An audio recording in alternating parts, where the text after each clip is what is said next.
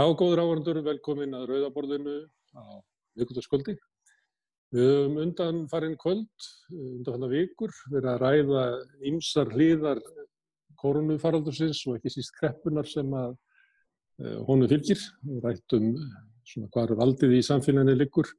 uh, hverjir komast á borðinu til þess að ákveða til hvaða aðgerða verður gripið, hvaða hópar það eru í samfélaginu sem að hafa glemst og kannski sitja eftir Eh, hverjum stjórnvöld eru að bjarga. Við höfum eh, farið svolítið út í heim og skoðað fyrst og fremst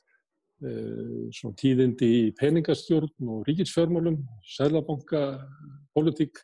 það sem hafa orðið við ströngkorf, sem að til þess að Englandsbanki er byrjað að prenta peninga beint inn í ríkisjóð sem að hefði þótt óhugsandi bara fyrir, já, sem að bankastöru í Englandsbanka þerr tók fyrir bara viku áður en það var síðan bara ákveðið að gera það. Eh, en núna ætlum við að fá tvo félaga að borðinu til þess að hjálpa okkur við að reyna að meta það hvaða árif ja, koronafaraldurinn uh, og reppan sem að hann rýður á muni hafa á, á heimsmálinn, á, á pólutík svona almennt, pólutík í einstaklega löndum, svona helstu stórvíkjum og það eru þeir félagar Kristinn Rapsson og Gunnar Hrafn Jónsson, báðir sjóaðir bladamenn og ég ætla að njóta þess að, að, spyrja þá og fá þá til þess að hjálpa mér að glöggva mig ástandinu og vonandi ykkur líka sem eru að hlusta. Mér langar að byrja, kannski aðlugur byrjunarpunktur er á, á Donald Trump, skrítna fórsenda bandaríkjana. Eh, ég eins og fleiri sitt svona, ekki kannski hvert kvöld, en svona annarkvæmt kvöld í næstu tvo tíma og, og fylgist með bladamannafundum hans þar sem hann rýfst við bladamenn og talar um eigið ágæti. Og maður veldi því fyrir sér að því að svo margt sem að í þessum, þessum tíma sem við erum að lifa sem er, er merkilugur, það er ströngkvörfi í alls konar hlutum og maður veldi fyrir sér hvort að þetta, eh, þessi sviðsetning, tvekja tíma eintals eða, eða rifrildis eh, fórstandans við bladamenn eh, mann er fyrst að stöndum eins og þetta passi ekki alveg við þá, þá alvöru sem að tímanir bera með sér. Setið þið og, og hlustið á, á, á Trump á kvöldin? Ekki ger ég það, ég hef ekki reyna þólum að þess að eða tíðan mínum í, í slíka sálar ángist að, að fylgjast með þessu fundum. Það eru síðan náttúrulega brota brota þessu og þetta er eh, náttúrulega algjörlega í takti við hans person og hvernig hann er búin að láta frá að hann kom í ennbætti og hefur tekist býstna vel upp í sjálfum sér að að eh, nútralisera eh, pressuna og fjölmjöluna með þessum hætti að, að vera þessi millilega lausi fórseti, tala bara beint við allþjóðinu gegnum Twitter og húðskammar síðan blaðamenn eh, miskuna laust. Þetta virðist ganga alveg þokkalega vel í, í allþjóðuna. Vinsaldur hans hafa ekki einlis hrunið í stríðsfylgi við fórsætið bandaríkjum, hann ríkur alltaf upp úr öllu valdi, það verður ekki gert um núna en hann hefur verið að lafa einhver staðar upp undir 50% eh, í, í svona ánægju stuðli. En uh, uh, þetta, er, þetta er náttúrulega svakalegur veruleiki og, og ég held að náttúrulega stóra myndin er þessi að snýst ekki bara um Trump, það snýst um stöðu bandaríkjana og, í, og hver staða bandarækjana verður í, í heiminum eftir koronaviruna og það er alveg umfjöldunarefni sem, sem að getum alveg tekið, tekið, tekið inn hér held ég þess að það er vísnast stóð spurning sem ég hef alveg sterkar skoðanir á mm. en uh, Trump hann er, hann er, hann er náttúrulega þetta ólíkja tól sem hann er og, og uh, tímilegri ljós hvort að uh, hann verður já, veiruna falli Já, Gunnar, áður við sleppum alveg Trump og fyrir að tala um bandaríkinn almennt. Mm. Það var bandarísku, ég var nættur á bandarísku blaðan að það sagði þetta, við sittum allan daginn alveg sveittir og við erum að reyna að skrifa vandaði fréttaskýringar um ástandmála og, og hérna höldum að núna getum við loksins ná svona að stýra umræðinni inn á okkur vitranna hérna, vitrannabrautir. Þá tvístir, tvístir, tvístir helvitið, tveimur, þreimur tvístum og eftir það þá stjórnar að frétta umfjöldunni allan þann daginn. Það líst þessu þannig. Er þetta taktík fyrst og fremst hjá Trump að láta svona til þess að raunverulega kæfa alla vitræna umræðu í bandarík? Ég held að það sé alveg klátt að þetta er taktík og núna bætist við þessir tveggja tíma fundir sem við vorum að tala um sem eru, þú veist, daglegir fundir sem hann hefur bara orðið og sáum daginn til dæmis að bladamannum blöskraði svo mjög hvernig hann gekk fram að þau þurfti að byggja fórsetan að stoppa og stíga til hliðar til að þau getur fengið vísendamann í pontu til að segja hvort að fórsetin væri að segja satt. Og þú veist að þetta er staðan sem við erum að díla við í miðjum faraldri þá hljóttum við að sjá að, að það mun ekkert í heiminum fá hann til að skipta um taktika. Hann er bara algjörlega fastur inn á því að, að hann geti talað þjóðuna til með öllum ráðum og þetta snúist bara um að hann sé í mynd, hann fá að segja sína hluti og það verði allt í læg. Hann getist í raun og veru spunnið þetta hvert hann hátt maður vil. Hann byrjaði allt í að tala um að það veri sigur ef að færri enn 2 miljónir myndi farast í faraldri. Þá getur hann vísaði það aftur og sagt, þú veist, ég er búin að tala þann tíman um að, að reyna að koma í veg fyrir 2 miljón manna, veist, hann, hann segir bara, segir endan þessu hluti og sýtur það á, á rekord og svo getur hann bara sagt að hann hefði sagt hvað sem er eftir. En republikanaflokkurinn, hann begið sér algjörlega undir hans. Það er bara öll þau öll sem mynduð þann flokk, ég veit ekki hversu ítla sá flokku var farin bara af svona hörnun og hérna hagsmunna gæslu hinnar ríku, en, en sá flokku begið sér algjörlega fullkomlega undir vald þessam hans. Já, eins og Kanir segir það er þetta bara the only game in town. Það er ekkit annað í bóði fyrir hérna, þá sem eru hægri vang stjórnmannana í bandaríkana eftir að fylgja þeirra baki honum og nýta þessa bylgi sem hann bjóð til að því að til lengri tíma þá er þessi flokkur eins og þú segir bara í krísu að hann hefur stilt sér upp algjörlega gegn þjóðinni og gegn hagsmunum þorra bandaríkjumanna og hans stefnumáli og spyrt bara bandaríkjumann út í einstug stefnumáli viltu almennt betra helbriðiskerfi viltu, meiri sósialisma í rauninu veru að þú segja þér já en samt nægum menn er svo trefnt kjöri og það mun ekkert vera enda laust. Við vitum að, að hérna, til dæmis hvítir meilist þetta kallmenn í bandaríkjum verður ekkert að velja að fórseta enda laust. Það er að breytast demografía og þeir sjá sína sangdóttu uppbreyta þeir uh, fylgja sér ekki að bakvið bara hútt populista dagsins í dag. En í demokratafloknum, hann var í, í vali á, á frambjóðunda, þar sem annar frambjóðundin var umverulega talsmaður svona skoðana sem að 70% af þjóðinni hefur um, um heilbriðiskerfi, um, um skattlagningu á hennum ríku á þessu sem þú kallaði sósjálfna, það var Bernie Sanders, en hann var skilgrindur ekki bara af, af, af stopnunum demokrataflokksins og stjórnmála stjettinni heldur eiginlega fjölmjölum öllum sem öfgamaður. Hann væri raunverulega að bera fram kröfur 70% á meðan að, að aðrir sem að voru að bera fram kröfur 10% eða jáfnveil 1% að þeir voru kallaðir hófsöndarmenn. Kristinn, hvað kanntu skýring á þessu? Það er bara þetta típiska innan meginn sem að verðist alltaf loða við svona þetta vinstri þó að þetta vinstri var alveg mikið flögtandi eftir einhverju, einhverju, einhverju markalínum sem við konumst náttúrulega ekkert við. Sko. En uh, þetta er náttúrulega ekki nýtt að, að, að flokkseigandafélagi sem var kallað í demokrataflokknum náttúrulega var uh, lagði náttúrulega stein í götu samtins fyrir fjórum árum og það var ofinberðað með hans að Wikileaks og, og, og fekk nú Wikileaks alltaf bátt fyrir í, í, og kentum það að, að Hillary Clinton hefði ekki náð kjöri. Það sem að hennar fólk og svona flokkseigandamaskinu náttúrulega vann markvist að því að vinna gegn Bernie Sanders þá og beitti fyrir sér náttúrulega þessari uh, liberal uh, fjölmiðla maskinu í því skinu og þetta, þetta lág alveg til að skjálfæstar heimildur um þetta. Um, það hefur ekki verið að reyna sama hætti núna en, en það er samt sem áður alveg augljóst, augljóst merkjum það að, að flokkurum var að, ekki að vinna með börni og fjölmiðlarnir alveg klárlega, þessi liberal fjölmiðlar, hvað við segja, Eh, sem að eh, er að halla sér þetta í þessa áttu unnu líka gegnunum og, eh, og á prókjörstegi, ég man ekki alveg hvaða fylgið það var, þá skerði til að mynda New York Times upp á fórsíðu einhverju undarlega eld gammallið frétt frá sjönda áratugum frá því að Börni var borgarstjóri að byggja um einhvern vina samband við einhvern bæ í Rúslandi og þetta þótti sko þetta þótti einhver óskaplega vísmending og það hversu stór hættuleg maður þetta er. Þetta algjörlega afhjúpaði New York Times og, og er ekki eina dæmi. Þannig að eh, þetta er bara veruleikin en hann er ekkit öðru sér í Breitlandi og sér nákvæmlega sömu andúðina sem að uh, já,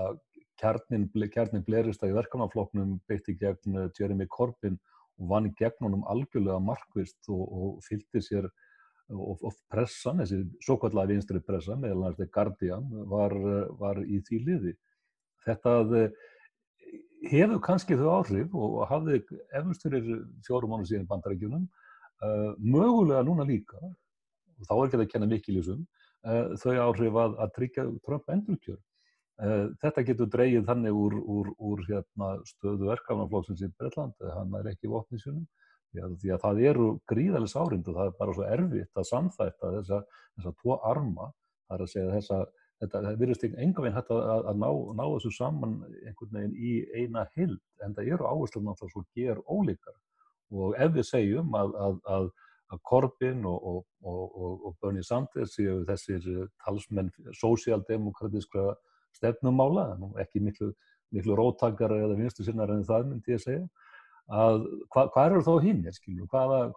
hverju megin miðjunar eru þeir, hvað er Keir Starmer og, og hvað er Joe Biden? Ég veit ekki hvort hann veit hann alveg sjálfur því hann náttúrulega greinilega með, með svona hrörnum að, að, hérna, að maður eiginlega býður eftir einhverjum svona skelving, skelvingar upp á komum þegar, þegar hann fyrir að stilla sér á, á móti Donald Trump í, í, í kappræðum og, og ofnbjörðu vettfangi. Ég sá einhvern orðað að svona um daginn varandi þetta svona mun á, á hægri og vinstri í þessu löndum. Að,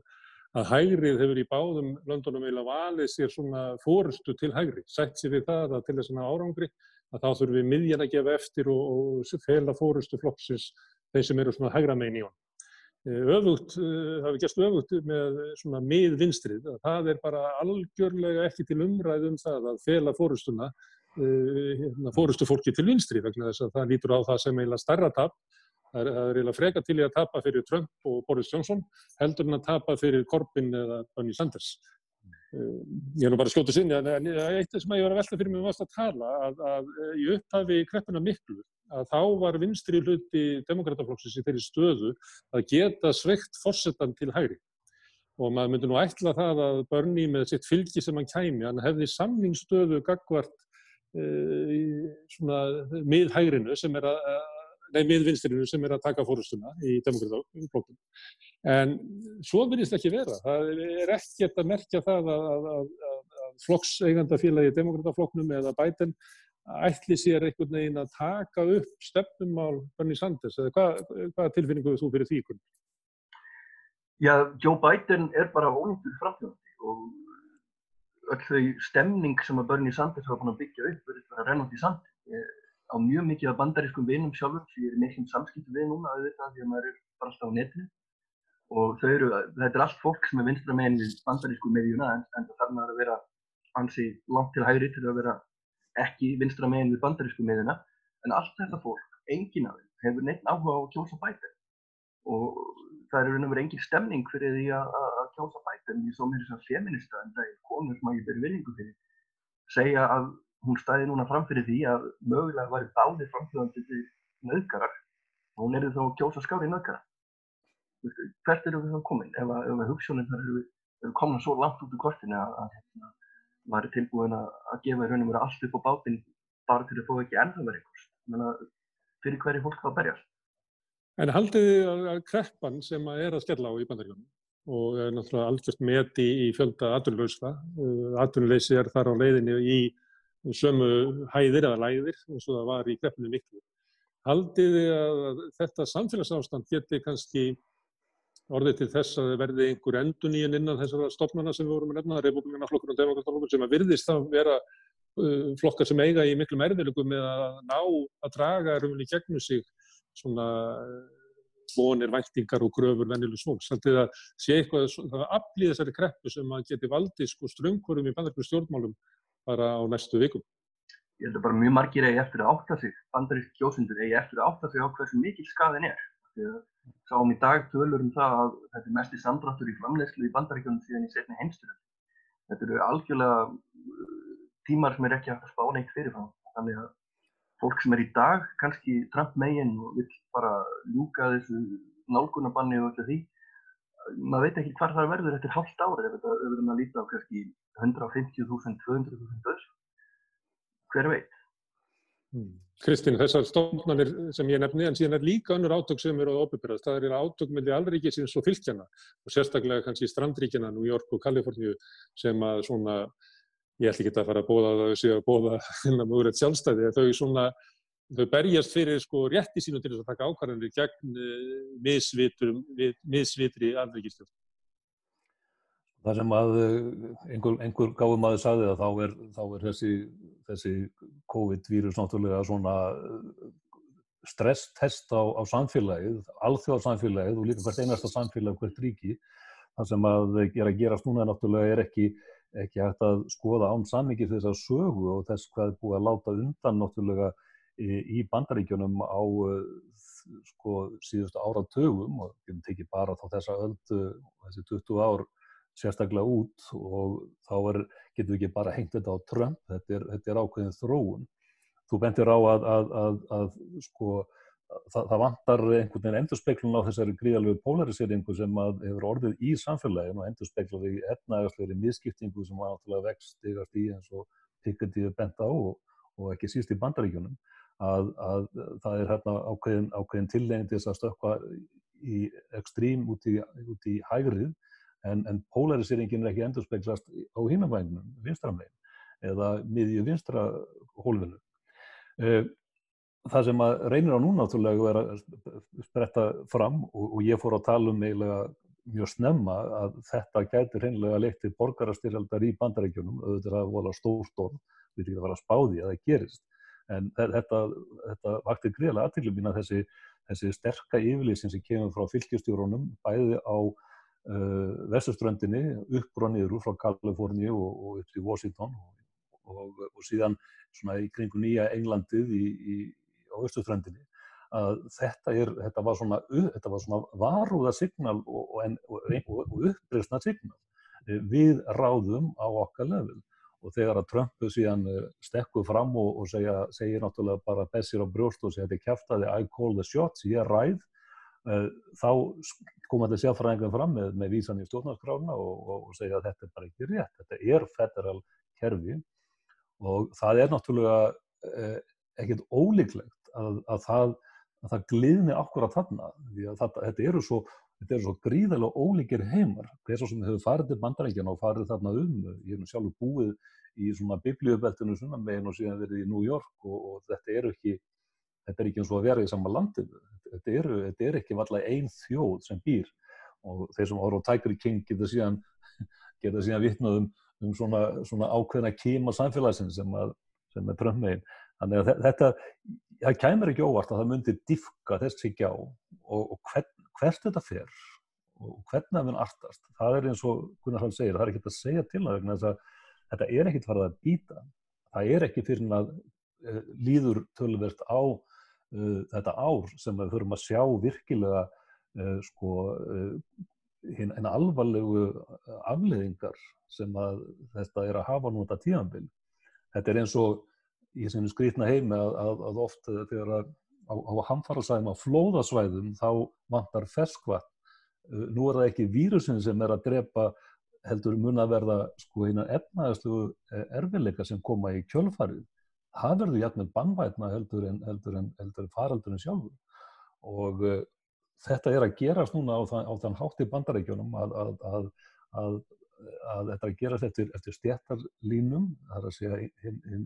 vírusárásinn eh, leggst náttúrulega ofinni og ofinni hlutvarslega þungt á, á, á minni hlutahópa, það er að segja svarta sérstaklega og uh, það er ekki út af neinum genetískum eða, eða hú, húleitar áhrifum heldur einfallega því að, að þannig eru einar efnæðarslegu og félagslegu stjættir að, að, að vera verið þunga af, af, af áhrifun. Uh, hvernig þetta síðan mun færast inn á hafum pólitíska vettvang er ómulett að segja en uh, það má eiginlega sko hugsa sér að hvað er þessi vírus að þau komið upp sko örfáum vikum áður fyrir prókjörun í demokrataflokknum eh, þegar að fólk þurfti virkilega að fara að hugsa um heilbyrðiskerfið og, og, og aðgang almennings að heilbyrðistjónustu sem er áttúrulega að stórum hluta skert með vandaríkjamanna. hefðu það breytt einhverju og hvernig mun það síðan hafa áhrif núna þegar að fólk verður að gera þetta upp smán saman að það sér hérna hérna hérna, stjertskiptu afleðingu af því hvernig, hvernig vírusin er að fara með þjóðina og eftirleikin sem að vera örglega alvarlegur og, og, og er hann sjálf. Þessi bandaríkjum er náttúrulega að hafa ekkit öryggisnett með fyllin í herbyggina, það er ekkit öryggisnett fyrir einu almenna borgar. Mm. En þegar það var einu af þessum fyrstu fundum sem maður horfið á í, í Rósagarðinum, að það var svona verið að viðkynna í halv vorkindi í Trump að standa þarna og það sem að var að ljúa saman einhverju helbriðiskerfi úr, úr bílastæðanum fyrir utan Walmart og einhverju svona sinna fyrirtæki sem að sinna fólki á elli heiminum þar sem að nætla að reyna að tjastla saman einhverju sem gæti litið út eins og helbriðiskerfi úr einhverju sem ekkert var. Og þá rann áttalega upp fyrir manni hvaða óheirilegar afleðingar ja, lífjálfsvíkja síðustu 20-30 ára hefur haft á þetta samfélag. Ofan á það að var kannski náði aldrei að byggja upp raunverulegt félagslegt örgistum að því Kristinn var líka að tala um sko klopningin veist, það er sagt að það sé engin meira líberal eða vinstursinnaði staður í bandaríkjunum heldur í borgin Austin í Texas. Það er bara hreinlega út af því að allir aðrir í Texas eru búin að fatta að þeir vilji ekki verið í Texas nema að vera saman og standa saman og mynda ykkur á blokk fólk er svona polariserast það er að flytja saman á svæði þar sem að veit að pólitíkin er því að skapi. Uh, við sáum fyrir dag Oregon, Washington, California. Ríkistjórar þeirra gaf út sammeina tilkynningum að þeir ætluðu ekki að meða þessi við afríkisvöldu, heldur við nágrannaríki og þau ætluðu að bendast uh, bandalagi um það að takast saman á við þetta því að þau er ekki að fá aðstof frá Washington í uh, DSC þar að segja. Þetta er Washington ríki og mm. þessi þrjú ríki getur kannski myndað einhvers konar byrjun á einhverju bandalagi ríkja sem að láta ekki bjóða sér þetta. Massachusetts kemur í hugan þess að núna mótmæli í dag þar sem að menn eru að stoppa umferð í Boston og víðar Trump, Trumpistar er búin að stöðva bíla sína á fjölföldum göttum og er að reyna að koma í veg fyrir að umferð geti gengið. Meðal annars hafa þið stöðvað sjúkrabíla og aðra bíla sem eru þarna á ferðinni og allt þetta til að mótmæla því að Kvenkins ríkistjóri með kalla bara that woman, hún er aldrei nefnt á nafn, that woman needs to go. Það er þeirra slag og hún verði að hætta allir þessu koronavesina. Þannig getur Trump í raun og veru látið allar erfiðustu aðgjörðina falla í skauk þeirra sem er andstæðingar. Hann veit að þetta fólk þarf að bregðast við af því hann er ekki að bregðast við. Þá fær það fólk gaggrínina af því að það er að hefta daglegt líf fólks. Þetta er saman Putin er að gera í Rúslandi. Hann er algjörlega ósýnilegur í viðbröðum með COVID-faraldrin. Hann er algjörlega látið uh, lokal government, eins og maður segir á góður íslensku, hérna, látið sveitastjórnar stíðið algjörlega sjáum þetta og þar eru manna uppgjörður fyrir óvinnstændir og það skipta þeim út en Putin kemur út fyrir þessu eins og hann hafi ekkit með þessar erfiðu aðþrengingar og, og aðgerðir að gera. Þess að við búum Trump hefur reynd að láta fylgjastjórun að loka en hann alltaf svo sjálfur að opna. Það er náttúrulega miklu vissalla. Herðu, við fyrir til Evrópu, það sem að, að koronavírusin lagðist raunverulega harðast og fyrst á veikamannin í Európa-sambandinu, Ítalju, skulduversta landið, það sem að, eh, já, var svona, eh, hafði Kristallað svolítið svona átökumilli eh, rétt þjóðuríkisins við að bregðast við erfileikum innanlands, efnarserfileikum, framfærslu, þáttakari og aðra slíku aftur búin að vera í miklum átöku á Európa-sambandi og koronavírusin slær þarna niður eiginlega ef að Evrópussamband ætti að velja þá hefur við ekki valið Ítalíu til þess að, að fá e, fyrst faraldurinn og svo augljóslega dýbri kreppu heldur en heldur en viðaskar annars það er akkurat á Ítalíu. Ég held að uh, þarna séum við myndið að koma að þessari, þessari, þessari prófrönum þegar að, þegar að kreppir að. Við sáum það eftir efnarkreppina 2008 að þá brást Evrópussambandið uh, í aðaríkjum sem að voru í erfustu stöðu. Það það er erfitt annað eldur að segja bara að það reynd út að erfu samband að hefði tekið snarveitulega stefni í málunni Gríklands uh, og uh, náttúrulega völdi þetta undan stuðningi við, við bandalægið. Uh, núna er, er mikið reyð á Ítalju því að Európa-sambandið yfirstjórnum brást mjög seint við í stuðningi við Ítala fyrst og sömulegt er þetta náttúrulega gerðist bara allstaðar að menn fóru að hugsa um það bara á, á þjóðríkisforsendum og, og þá, þá fremur heldur hann að huga í, í stóri og það var, það var mikið reyði og nú náttúrulega er þarna hins og sem bendir á efnaðarslega ástandi verður mjög slemti á Ítali og, og, og nú er þetta nú, jú, sópa til peningum og, og aðstofar hversu langt hann nær það er spurningin, það er náttúrulega margt sem að eh, er að já, herja á einingarkraftin í Evrópu, það fóru ríkin fóru hver sína leiðir og náttúrulega brettar náttúrulega nýbúinur að, að, að, að svona klippa á naflastrengin og, og ákvaða sigla vertur um haf, má segja, í svona alþjóðlegum skilningi. Uh, þannig að já, stert og við getum verið svona bílundu uppgand um það að, ef að svo má segja, um, um einhvers konar eh, framtíð eh, svona heildarinnar í, í, í bandaríska ríkjasambandinu þá má vera uppgandi um svona framtíð Evrópussambansins í skjóli þessara reynslu sem að nú verður að fara í gegnum og það er ómönd að segja hvert, hvert þetta fer en er, þetta, er, þetta er mikið þólrun. Já, ég lág fyrir að Európa-samtlið þurftir umlega að endur nýja sig,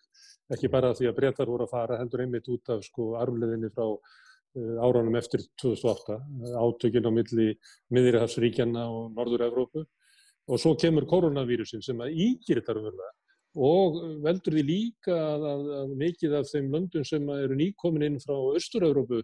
eru eiginlega bara á hraðleðinni í áttina einhvers konar fasisma sem að stjórnur taka sér auðvörlega miklu meira sko vald heldur en já, já, við hefðum látað okkur þetta í hug bara fyrir orðfáðum vikum.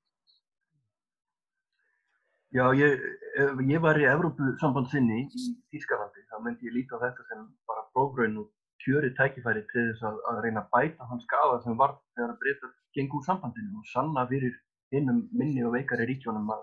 að þeir eigi sér bakland í hinnum ríkari og, og volduri. Það er bara spurning hvort að það er pólitísk innistæða fyrir því í Þískalandi og Fraklandi og þessum ríkjum hvort að menn eru tilbúinir að borna pólitískum innaríkis hagsmunum til skamstíma fyrir lengri tíma hagsmun Evróp. Það svolítið skorta að menn séu tilbúinir að í raun að veru já, taka upp halv evróska retorík í þessu, þú veist, að minna á styrk Európa-samfélags á þessum tíma einhvern veginn styrk einstaklega ríki að, að vara ríki eins og Ungverjaland og, og annur sem eru í, í nágreinunni við að fara þá leið sem þeir eru að fara mér finnst ekki hafa við um, ég hef ekki orðið var, var við mjög sterkar svona leiðtoga tendansa hjá þjóðverðum eða öðrum Európa-sambandsfríkjum í þessu sem hefur skort og væri eðlulegt að þeir stýja fram á þessum tíma. Vinsandi stjórnvalda í Ítalíu rúka upp í fyrsta skipti í áratögu saman. Ítalir hafa verið einstaklega óefnir með stjórnmálafólk en núna er ríkistjóðin mjög vinsal. Meðan annars út af hérna, svona kvassri stöðu gagvart Európa-sambandu. Já, þetta verður meira á sundrungu en hinnu. Ég held að sé bara að sjá okkur að breytingu á, á, á öllu, öllu struktúrum í alþjóða samfélaginu. Ég, eh, hvort sem að við erum að tala um alþjóða stofnanir eða, eða, eða eh, já, samband ákveðina ríkja, eh, hugum bara því núna því að menn hafa verið að búa úttekna norrannum samstarfi gegnum tíðina hér á Íslandi að hér erum við með sko öll norrannum ríkina taka sko fullkomlega sko eigin, eigin, fara eigin leiðir í viðbröðum við þessum vírus og virðist ekki verið samtal eða lítið samtal þar á milli. Og e, það mun náttúrulega síðan af áhrif á það þegar það verður að fara að vinda ofan af eh, þessum lókunum öllum að, að, að vilju við opna leiðina til Svíþjóðar, vilju við opna fyrst í Kaupnahafnar, eh, hvaða viðbröð verður þá í, í Svíþjóð ef þeir verða hérna svona the odd man out í, í, í þessu samhengi En, en það, það virðist bara vera að, að flosna tölvöld upp úr, úr, úr, úr öllum þessum, þessum uh, um, hvað við að segja, bara reynilega þessum strúktúru sem hafa, hafa búið til einhvers konar, einhvers konar varnir og, og, og svona uh, samstöðu inn í alþjóðsamfélaginu. Sko, það, nú, er, er Trump leiðið hálsi að hafa stoppað greiðslu til uh, alþjóða heilbyrjastofnurinnar sem að er náttúrulega fullkomlega gali, gali viðbrað en hins vegar má ekki glemja því samt sem áður að, að, að, að alltaf heilbjörnstofnun er ekkert að hafa nefnir gaggrinni og, og, og það, eru, það, það eru element þarna sem eru gaggrinnisverði í viðbræði hjá, hjá þessara stofnun við svona fyrstu vikum þegar farðurinn kemur upp í Kína. uh, vegna þess einfallega að, að, að Tetros sem leiði þann á stofnun náttúrulega átti mjög að sækja sín völdi til, til Peking og, og hann á sína stöðu náttúrulega undir hrossakaupum sem, sem að eru farin að yngja náttúrulega allt þetta, þetta, þetta allþjóða samfélag og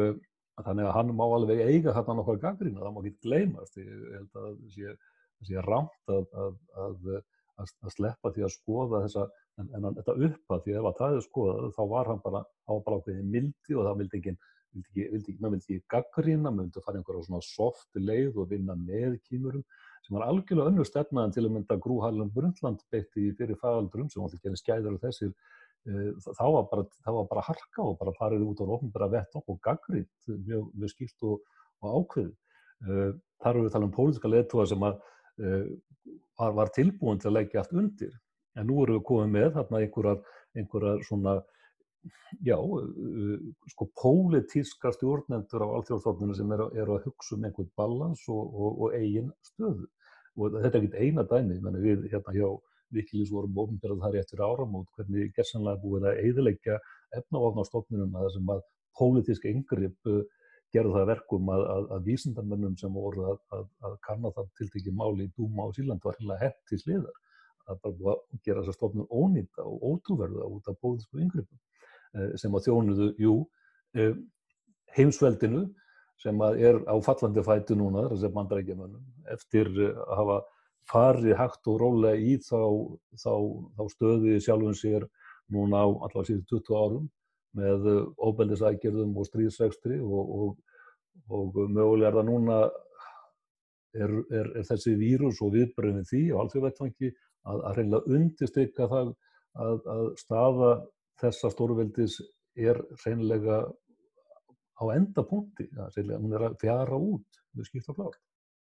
Má ég spyrja aðeins eh, meira um Evrópu og þá um, um flóttamanna um, málefni sem hafa lita mjög stjórnmál í Evrópu undanferðin ár. Það tventi verðandi flóttamennina sem að koronaveiran hérna, bóðar. Það er annars vegar hættun á því að hún sláði sér niður í flóttamannabúðum því að, að koronaveiran er skæðust þeim sem að, að búa við vestan aðbúnað og eru hérna, þáttakir hafa aðgangað að veikri helbriðisjónustu, þannig að það getur orðið hörmungar sem að geta gerst þar. En það er varðan þess að lókun landamæra sem að öll ríki fóru í að, að, og, og að skilgreina það að það væri útlettingar sem að getur komið með, með pestina. Getur ekki verið að, að, þessi leið að loka landamærunum og ætla sér að vera mjög hérna, íhaldsömiði og opnaði aftur sé ákveðin hvati inn í mörgum af þessum löndum einmitt sem lausn á flottamannalandamáruna þú getur samin að alla í rauninum að loka landamærunum ótanum við, við veiruna og þar með slakaru svolítið á átökunum í flottamanna málefnum sem að hafa rifið mörg af þessum löndum svolítið á hól eins og Ítalíu, Frakland Þískaland, Fleirland. Getur það verið, sjáu þið eitthvað fyrir fyrir þessu? Ég held að það sé algjörlega rétt. Ég tók að mitt viðtal núna fyrir stundina sem kom út fyrir uh, páska. Ég tók viðtal við Jón Orm Haldursson sem ég þekki ágjörlega, persónulega. Um,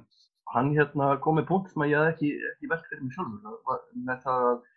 að þau helbriðarkerfi þeir eru náttúrulega veikari fyrir, menn að erfið þeirra með að díla við. Og þar er möguleiki á að þetta verði bara viðvarandi sík sem verður ekkert hægt að útrýma og verður bara, jámið, árlegur viðbúrður að þetta komi upp í flottamannabúðum í fátækum ríkjum og ríkjum þar sem innviðið eru veik. Þá ertu með komið með kvata til þess að setja alla flottamenn í eitt hóp og segja bara þetta er smittberar, bara hættur þetta að fá þetta fólkingað, það er bara almanna hagsmunin en ekki rasismi sem að ræða þessu. Það er þetta að selja fullt af fólki þessa hugmynd, uh, algjörlega án þess að hafa neitt fyrir sér í málinu og jáfnveg á maður uh, hafið eitthvað fyrir sér í málunum þá er þetta óögnarleg framtíðasík því að það er í rauninu verið hægt að segja að allir sem að þurfa á aðstóða að halda, allir flótamenn í heiminum séu bara bannvara þeir megi ekki lengur koma því að þeir eru með að koma frá þessum veiku ríkjum þar sem að uh, veiran er. Kristinn, heldur að segja sami ekki þetta milli? Að til dæmis að voru Danir mjög fljóttir að loka sínum landamærum sem eru eh, eitt af þessu löndum sem að, að umræðum flottamannamál hefur umverulega eðilagt alltaf stjórnmál umræðar áratugu saman. Ég, ég hef náttúrulega alltaf komið til Danmarkur sko síðustu 15 ára en ég manna þegar ég kom þar fyrst eftir svona uh, nokkur hlýja, fyrir svona byrjun aldarinnar, að þá var ég algjörlega slegin á því á hvaða sko stað pólitísk umræða var þar út af einmitt flottamannamál. Gegn sírðu alla umræða. Þetta held ég að, að, að þetta uh,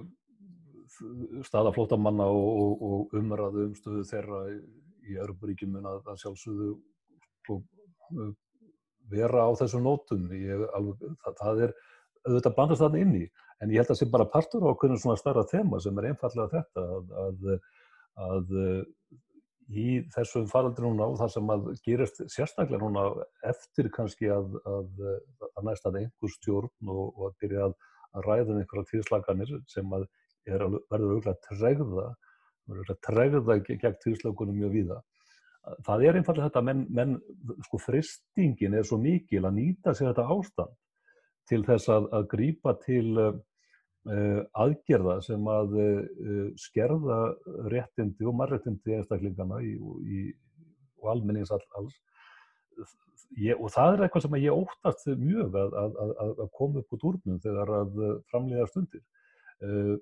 við erum að sjá náttúrulega að, að það er gripið til ofbeldis, sko, þegar við erum komið með uh, sko, innilókun einstaklinga, þegar við erum komið með herin með alvægt á gödunar, þá þá, þá, þá þá er þetta svo eldfimt ástand og fristingin fyrir leiðtó eins og við sjáum Viktor Orbán gera í Úkverlandi að nýta sér eða misnota sér ástandið e, til þess að, að herða tökinn og það er náttúrulega að gerast víða eins og á Bolsonaro í Brasilíu og, og annar staðar e, í svona ekstrím myndum. E,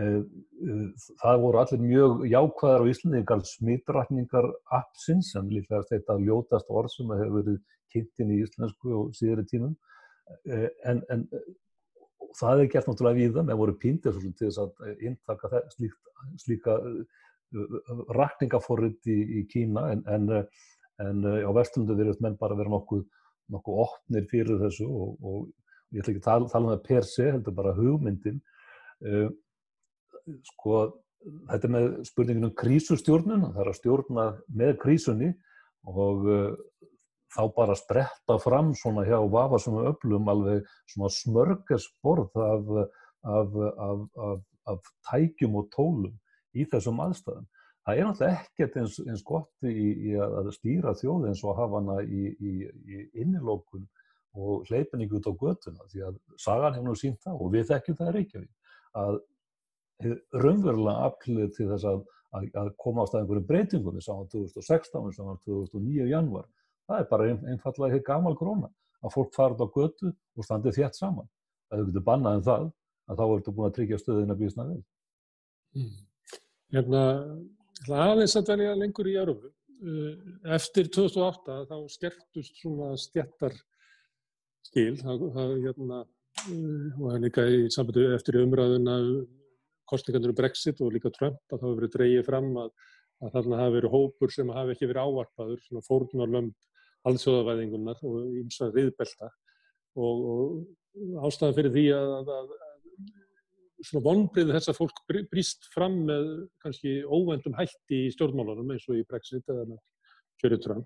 er að, að það hefur verið broti niður svona verkalýsreifing víða í landum og víða í Evrópu, út um alla Evrópu. Við erum búum náttúrulega hérna við mjög sérstakar aðstæður þar sem að 84 eða 85% af fólki er í verkefnsfélum en víðaskvar er þetta dóttið niður bara ég held ég 8% í Freklandi og víða. Þannig að þeir hópar sem að verða fyrir barðinu, efnarslögu barðinu á alþjóðavæðingunni á, á síðustu áratugum að þeir hafa fáa talsmenn. Stjórnmálinn hafa fæst frá þeim, þú nefndir Piketty á þannig, hann hefur gert svona rannsónir á hvernig sósætdemokraterflokkarnir umvölulega yfirgáfu verkalýstjættinnar og urðu að tóku upp nýja kröðumál, voru ekki lengur með kröfur sem að voru einfallega óskalisti hinn að vessettu um betra húsnæði, herri laun og örugari heilbriðisjónustu, þetta er komið fram með aðra kröfur. Að þannig að, að þessi hópur var skilin eftir umvöla án þess að hafa pólitíska þarfi. Nú er að koma að kreppa og þá vitum við að það fjölgar í þessum hópi og þessi hópur mun hafa það ennþá verð því að við það sem að Bjarni Benediktsson fjármálaróðar segir að, að kreppa leggist ekki vera á hinna verstæðu, það vitað allir að, að kreppan sko gengur frá hinnu verstæðu og, og dregur marga þeim sem eru í svona millistöðu niður í, í, í, í verri stöðu. Um, þessi, þessi staða sem að er að ljósta verið um það ganginu, hvað haldið að hún geti haft áhrif á stjórnmálinn að, að því að, því að það raunverulega getur alltaf gengið mjög lengi að, að, að fólk eigi bara að velja í stjórnmálum eins og að segja velja í, í Amerikan Idol, að velja eitthvað fóringja sem á að leysa okkur út úr. Það lítur að verða, stjórnmálum hljóta geta orðið eitthvað neðið þykkari og, og svona markvísari hagsmunabaróta heldur en bara það að hvort að ég vilji Trump eða Hillary eða hvort ég vilji Corbyn eða Johnson eða, eða, eða Le Pen eða Macron. Þetta er eiginlega valla óðurleg stjórnmál. Bilgja sem ég vorði var við síðustu ár og þú örgulega líka finnst mér almennt vera aukinn tortrykni í garð alþjóðarsamstarf og í garð uh, útlendinga og bara alþjóðarsamfélagsins sem er búið að byggjast upp að þessum síðustu áratugum og hefur kostað blóðsveit og tár. Og það er búið að vera ansveg auðvelt fyrir Trump að slátra því bara eitt fyrir eitt uh, verkefni í einu að, að taka í sundur samninga og hluti sem að tóku mjög langan tíma að búa til og svo ég vitni aftur í, í föðu minna þá var hann að mynda að tala um að, að þetta myndi auka tókstreituna á milli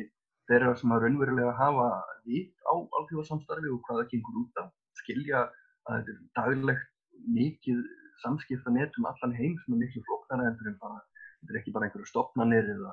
fundir, þetta er allt hagkerfi heimsins er samofið og þeir sem að vinna í því á daglegum basís sjá það glögt, glegst af öllum að í svona krísu þarf meira samstaf, aukið samstaf, meira uh, upplýsingarflæði, ekki minna. Og á sama tíma er verið að ala á tortrykni hjá almenningi gagmast þessu sama samstarfi. Eh, flæði fólks sé vandamálið, að, að Kína sé að stöðva grímusendingar og, og allt er þetta gert tortryggilegt í ljósu þess að útlendingar sé á bakverð. Og á sama tíma, eins og við segjum, þá er elitan eða svo kalluð elita sem að er hluti af alþjóðavæðingunni að sjá mikilvægi hennar og þú veist, það myndast þetta hver pólan í samfélagi, annars vegar fólk sem vil draga úr alþjóðasamstarfi og, og fólk sem að sér bara þarf þess að auka það á eftir. Kristinn, eru, eru þetta, þetta átökmilli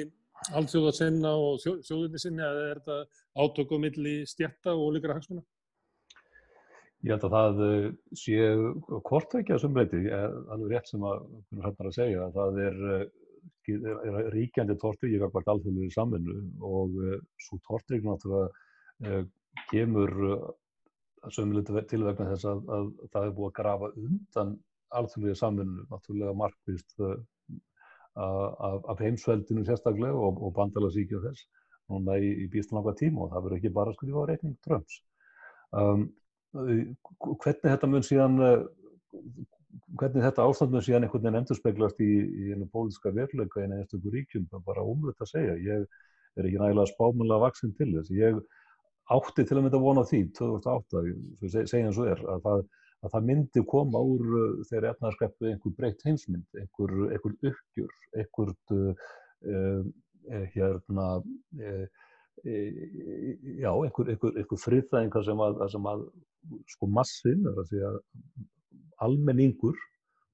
stóru æg, fengi einhvers konar uppreysn og, og, og, og fengi einhver framgang á, á sínmál. Eh, það varði ekki, það varði ekki. Eh, við fórum með fljótlega saman farið, þannig að eins og anekdótan er, þú veist, allt var breytt en allt var eins, skilur við. En að, að vissulega er samt sem áður einhvern veginn undirliggjandi og undirkröymandi ströymar sem að eh, ég veit ekki hvort að muni hljóta einhvers konar úrlausn akkurat á næstu mánuðum eða hvort við þurfum að býða enn lengur, býða þetta enn frekar áföllum, það er bara ómulett að segja. Eh, ég stundu að tala um Ísland sem svona dæmisögu þessu að, að, að, að þó svo að það virðist allt fara nokkur neginn uh, út, út af því að við náðum að rýsa hér með túrisma og svona efnaðarslega sér nokkuð vel út úr, út úr svona eftir, eftir kreppunum 2008, út úr þessu hrikalega hruni sem að varð hér efnaðarslega að e, þá held maður að, að, að, að það væri eiginlega öllum dungum svona úr þjóðinu og væri ekki en, þá að krefja sinna stefnumóla sem er náttúrulega augljóð, það er saman hvort þú ferð, þú tala um fiskveðustjórnununa, stjórnarskrámálinn, e, úrgjald til heilbreyðismála, þú veist, við erum að tala um sko, aukin meirulhauta í öllum konunum fyrir því að gera úrbætur, það verður ekki. Hvers vegna er þessi, þessi træða innan líðræðisins? En þó það er eitthvað sem að triggerar og það er, við sáum að 2016 og það þurfti på Panamaskjala legan og, og framistöðu þá verði fórtisráðferða í, í alþjóðlíu sjónvarpi til þess að senda 27 manns mér á Östuföld daginn eftir. Þannig að það hefði ekki gerst nefn út af reynslunum 2008. Þannig að mögulega er þetta upplegsla og kemur að einhvernum punkti. Ég veit ekki hvort það er núna, ég er svona hóflega bjassið ef að, ef að, ef að svo má segja, en, en þetta er, þetta er allt, allt svona eh, input inn í, inn í einhverja, einhverja þróun. Og ef að þetta heldur áfram sem horfir að, að, að, að efnarslan misskiptingin er ekkert að lagast, það er ekkert að ganga tilbaka þar, heldur bara versnum versnum eins og gerist eftir 2008 og það mun halda áfram. Og, og hérna og, og hérna alþjóðlegu eh, vinar og andamenn Bjarnar Beindur munu, munu mata krókið þá er alveg spurning hvar, hvar er svona the breaking point ef það sé að segja. Ég er ekki... Ég er að skreina um daginn þar sem að maður var að undar sig við að rekna þetta út eh, sagt, tíðinni mótmæla og fjölda mótmælanda í heiminum og hann kostaði að þetta auki svona um 11,5% ári frá 2009 og við sáum það bara í fyrra, þá voru átök í Chile, Líbanon, Túnis mm. við sáum núna í fréttonum að það er slegist á játbröndastöðum í Innlandi þannig að, að einhver staðar mun almenningur rýsa upp á mótmæla. En ég hef búin að halda ykkur svolítið mikið á vestunöndum í Ameríku og í Evrópu. Mér langar að spyrja ykkur kannski um svona átökin á milli norðurs og söðurs í heiminum. Það er uh, heilu heimsálfunar þar sem eru uh, frægar búðutönnur eins og Söður Ameríka. Uh, það er hérna djúb heimskreppa mun leika Afriku, Sunna Sahara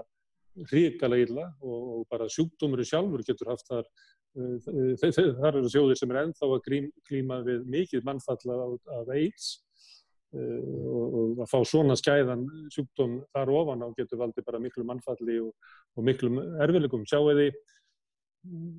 sjáu þið einhver svona átök á heimsvísu þessu leiti eða upplösni í þessum heimslutum? Já, þessi fátækari ríki eru náttúrulega öll yfir að samílegt að vera gríðarlega stjættaskipt því að þeir sem eru efst uppi munu finna mjög lítið fyrir þessu og þeir sem eru neðst niður munu finna langt mest fyrir þessu. Er náttúrulega, uh, ef maður líta á þetta sem þú sem sósialisti hættilega sammála því að á rót þessari vandamála er að miklu leiti átök stjætta en ekki, ekki neitt annað. Þetta er ekki átök uh, þjóða heldur, heldur hagsmennaafla sem eru alþjóði. Um, það sem ég held að við sjáum gerast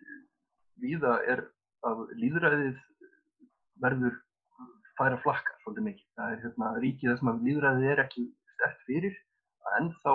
sterkari áhrifin verða þar sem vorum að tala um áfram með, á, áðan með Ungverjaland. Uh, við erum að sjá svipaða hluti gerast strax nú þegar í Afríkuríkjum, í uh, Asíuríkjum, á Indlandi. Þetta er þetta með búið að innlega núna uh, ný lög sem enginn í heimstöðinni tók eftir en væri stórfjart ef að faraldurinn var ekki. Og þau lög gera ráð fyrir að hægt verið að flytja hindúa í miljónavís til Kashmir uh, og breyta þannig algjörlega uh, deilunum við Pakistan um ára beilt. Þannig að það sem kemur út fyrir þessu fyrir ríkir með veikinn við og eru, eru fátækari eru þetta bara ennþá meiri, um, hvað ég segja, ennþá meira alræði og meira innræði í þeim ríkjum sem nú þegar eru glíma við hvað verst ástand í þeim málum. Við talarum um polariseringu í bandaríkjónum en ef við fyrir til Brasilíu og Suður Ameríku þar er gríðarlega polariseringa þegar að hægri mennindin á völdum og þá stingaði bara vinstir mennunum í fangilsi. Það er það sem er að þetta verður áhugavert að fylgjast með þróun í Suður Ameríku og, og ég hef náttúrulega verið að fókusera á Ekvator, ég hef náttúrulega komið ánga nokkuð skipti og, og þetta var fyrsta landið sem var svona illa útsett af, af veirunni Það var vegna allra, allra yfirsetta skólakrakkana sem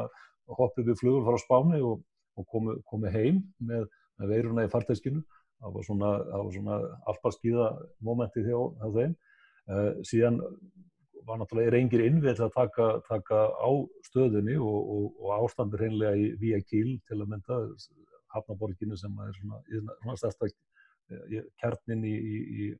í, í landinu var slíkt að, að líkum var einfallega hett út á götu og, og reynda að setja það í einhverja plassboka og líkistu voru uppurnar og við vorum að fara að búa til pappakassakistur til þess að safna líkunum. Uh,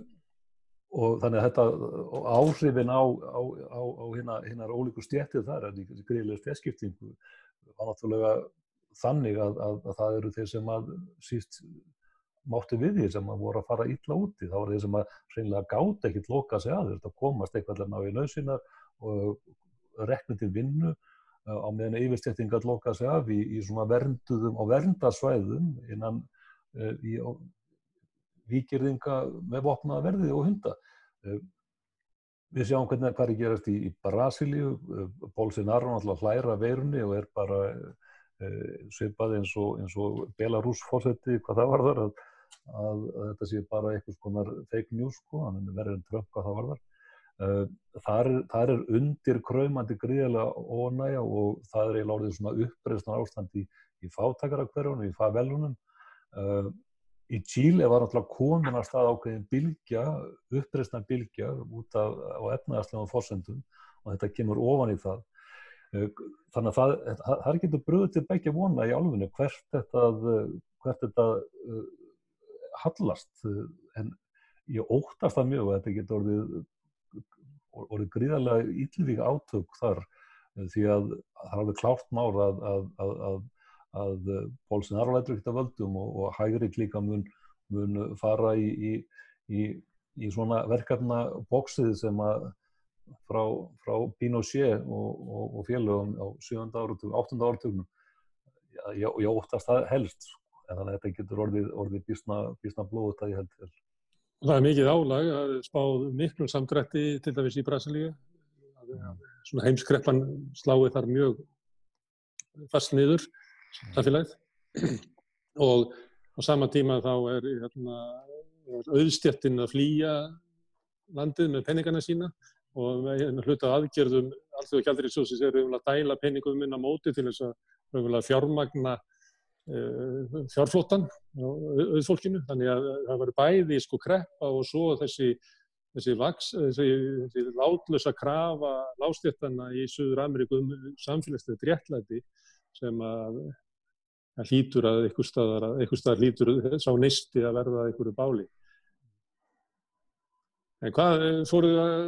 segja okkur eitthvað um Asíu, um Kína, kemur Kína sem stórveldi út úr þessu? Áhugaverðir tímar fyrir kínverja, það er hérna búið að fyrst gera þá, mála þá upp sem skrattan á vegnum að þeir síðan missa tök á þessu og allt farið að fjandast út af þeim. Svo verðist þetta svona allavega tölfræðilega vera að uh, hafa batnað tölverk þeim á meðan að versnar tölverk í bandaríkanum og öðrum ríkjum. En ef við tekið fókusin svolítið af Kína og gefið ráðamennum þar tölverk meira rúm til aðgerða og þeir hafa skreitt sig með því alveg í talendum fjölmennum að, að hérna, mála upp þennan kontrast á milli líðræðisins í Vesturlandunum og uh, kerfisins í Kína sem að verðist þá allavega að vera laust við uh, það bák sem að menn heldur að myndi halda aftur að og uh, síðan er náttúrulega það með alþjóða heilbyrðismálastofnuna og hvort að trista tölum, það er náttúrulega heil umræða líka og, hérna, og spurningin hvort að það sé í raun að veru allt upp á borðinu þegar kemur að bæði síkingartíðinni og hversu margir dói. Það er í raun að veru mjög erfitt að segja að henda tölu á því hversu margir hafa látist í Kína nema að taka þá bara algjörlega blákallt við staðrindum frá uh, stjórnmöldum sem hafa tölvara hagsmenni að því að ljúa. Og um, það er eins og það er nokkuð ljóst að, að viðbröðin í Kína, uh, þessi fyrstu viðbröðin þeirra, voru klárlega þar sem þurfti til að, að fletja út þess að margum töluðu kurv. Og það voru viðbröð sem við sáum alls ekki fara á stað eins fljótt í mörgum aðeins ríkjum þó að, að mikið værum smitt. En með veikingu bandaríkjana á svona Alheimsviðinu er líklegt að, að fleiri lönd líti til Kína eftir svona leiðsögn og jáfnveg vend? Það náttúrulega hefur verið mikil átök undan farnar vikur á oljumörkuðum uh, sem að rússar og kynverjar og fleiri hafa verið að, að hérna, sæta færist til að reyna að hafa smá áhrif á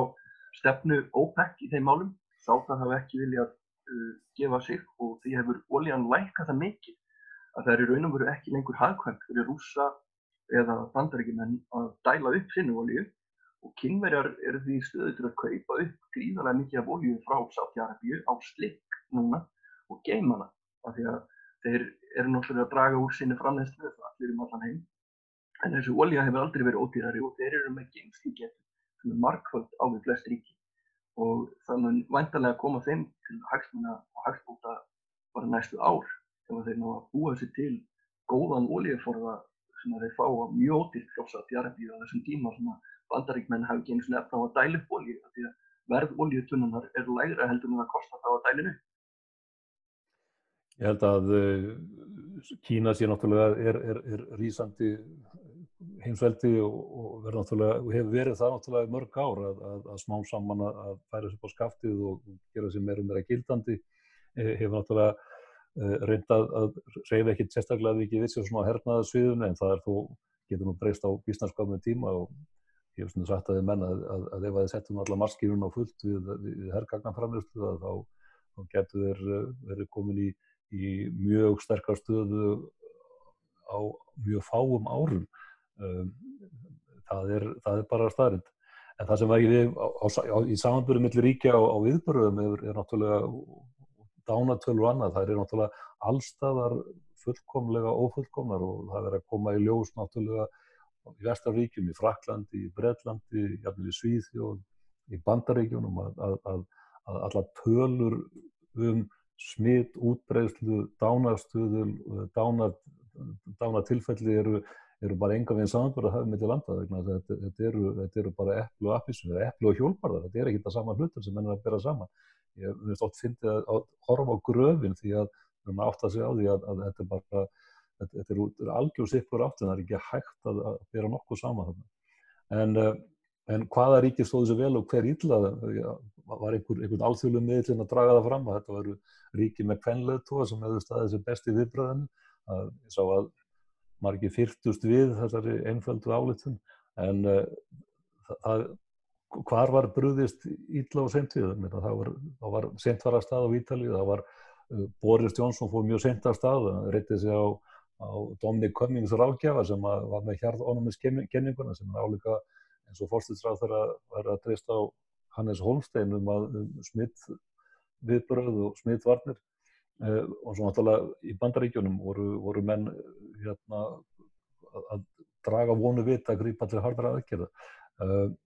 Kýmirar hefðu getað farið fyrrast, það hefðu getað upplýst betur fyrr eh, hvað var komið að stað, það er á ljóst. Og það eru náttúrulega ímsar sko tröllarsögur um það að, að, að læknar hafa verið handtekna því þeir hérna, töluðu og, og sögðu frá.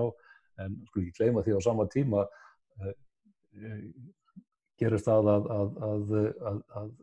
skipherra á, á flugmóðuskipinu Theodor Roosevelt eh, sendir út sko neðakalli yfir COVID-19 með borð.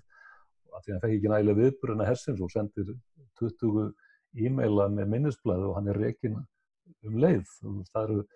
að þetta, er, þetta, þetta gerist í það, þessi, þessi, þessi, þessi þökkun og, og, og reyna að hafa stjórn á upplýsingaflæði eh, sem er náttúrulega alvarlegast í hluturinn í, í, í fára þessu tægi og náttúrulega yfir höfuð. En partur af stefnu sem við höfum verið að sjá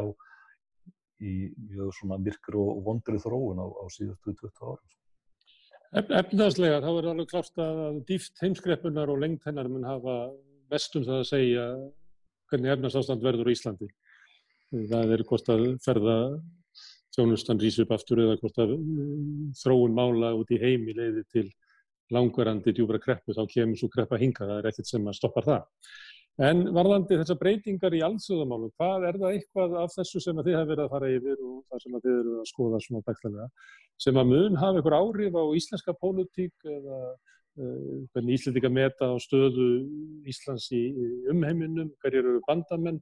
eh, einhverju af þessum, þessum breytingu sem að getur orðið í, í stjórnmála eh, lífi nálar landa, eitthvað þeim sem getur búið þingað, eitthvað sem að endum þetta á því að reyna að draga þetta hingað inn, til Íslands og að, að erlenda frétti sig ekki eins og einhver sábópur sem við horfum á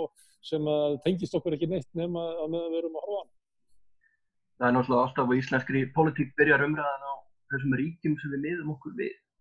Um, mér þótt svolítið erfitt að átta með á því hvaða ríki við miðum okkur við samt núna því að það er svo mismunandi viðbröðin hjá Norðurlandaríkunum til dæmis og við erum að reyna að bera okkur sama við allskynns ríki, söðu kóri og ég veit ekki hvað. Þannig að ég hugsa að pólitísku áhrifin hérna muni ekki síst litast af því uppleggi sem að verður í Evrópu og bandaríkunum líka þegar raunverulega áhrif kreppnar komið ljós og það er alltaf okkar helstu viðskiptaland sem við þurfum mest ágjur að hafa af og eh, ég gerir ráð fyrir að pólitíska línan hérlendis miðist fyrst og fremst við aðstæðunar í þeim löndum og svo er þetta bara innlendri pólitík, hvað gerist hér heima ef að fólk byrja að uh, spyrja sér spurninga um einhverja uh, hluti sem við sjáum ekki fyrir núna? Og, og hérna það er alveg óvíst að þessi ríkistjórn verði eitthvað vinsæl þegar það kemur á næstu kostningum og, og allt það, þannig að það er ótrúlega hluti sem að geta spilað inn í. En ef ég ætti svona giska þá myndi ég halda að það veri efnahags ástandið í, í Evrópu og, og Norðurlöndunum sem að minna hafa mest áhrif. Kristinn, ég, ég er kannski, kannski frekur hérna áhörðand af íslenski pólitík en stundum undra mig á því hversu hæg og svona hugmyndalega enduníun hefur verið að til dæmis hugmyndalega enduníun í stjórnmálum eftir 2008 það er ekki mikil, ekki miða við til dæmis þess að þú ert að lýsa þáttöku almennings og í stjórnmálunum að þá er ekki þessi hugmyndalega enduníun að finna inn á, á þinginu. Serðu fyrir þeir einhverja kvata slíkri endur nýjun í ástandi hinsmála í dag? Ég held að segja á kvatið sé náttúrulega bara innbyður í því að, að, að þeirri, þeirri, þeirri efnaðsleiri stöðu sem að mun verða uppi, þetta er ríkalegt högg. Eh, ég veit ekki hvort að þetta muni hafa eh, stórkvæmslega áhrif hér á Íslandi en ef ég mætti sko óska mér einhver sem á hvort í á innlendum pólitísku vettvangi þegar það kemur að, að, utanrikismála umræðin og utanrikismála áherslunum er að menn séu sínismá raunsægi og séu ekki eins og, eins og uh, krakkar að, að tala um einhverja vinaþjóðir og, og, uh, og hérna, binda ekki alltaf trúsitt við uh, öll sem að á engan hátt er að gæta hagsmuna okkar nema þegar það hendar þeim. Þannig að ef það, kem, ef það myndi spretta fram eitthvað svona pragmatísk lösning, þetta eru hug sko eitt af, eitt af afkárlegasta móment í þessu, þessari veirusögu var þegar að uh, auðvitaðstáður Íslands ætlaði að hoppa upp í flugvél og fljúa til bandarækjan til að skammast í besta vini sínu Mike Pompeo að því hann setti flugband í Íslands. Ég ætla að vona, sko, ég rekna með því að Guðlur Þór Þórðarsson vilji gleima þessu atviki eh, sko, sem allra fyrst og vona að þetta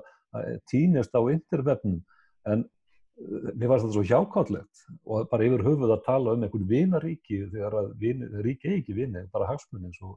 eins og ég held að góðu viðmælandi Gunnar Sraps í stundargreininu hafði einhvern tíman sagt í, í fyrirlestri hvort hann frá honum komið sérstaklega veitin ekki. En þetta, þetta vita allir og við verðum aðeins að fara að, að, að skoða stöðun og ég óska þess að, að það kæmi út úr þessu. Við bara reynum að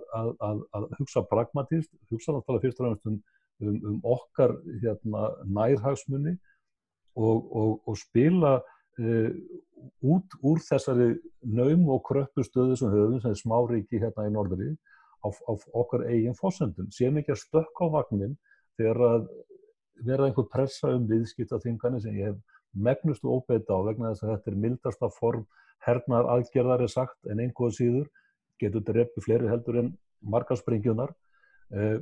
að við séum ekki að, að, að binda trúsokkar einhverju blindni eins og við höfum verið að gera á síðust áratöðum sem við fylgta bandarækjumönnum inn í ólumætti innráðs í Írak og svo framvis og framvis eh, séum ekki bara eitthvað svona í annarkort eða viðþorfi til erfarsambansins heldur skoðum ESB og samskipti Európaríki út frá, út frá uh, pragmatísmu lausnum. Ég myndi vilja sjá það koma upp í að þú vart að tala um sko, áhrifin á, á okkar, okkar stöðu í alþjóðsamfélagin. Uh, Kortaverður veit ég ekki, það vildi gætna sjá meiri, meiri, meiri líf í auðvitaðismál umræðan á Íslandi. Ég myndi gætna vilja sjá að, að það sé, sé aðeins meiri metnaður þar og, og meiri áhugi. Það er, þú nefnir að það vanti input inn, í, inn á henni pólítiska vettóng til að endur spekla það hræringar sem hafa verið. Það er alveg, alveg rétt. Það hefur verið sko, enga veginn næjanleg, næjanleg sko, hræring þar og, og, og, breyting. Partur af því er þessi tortrygna sem hefur farið vaksandi gagvart hreinlega stjórnskipurinni, gagvart líðræðina því að fólk segir bara það, þetta er ekkert að breytast.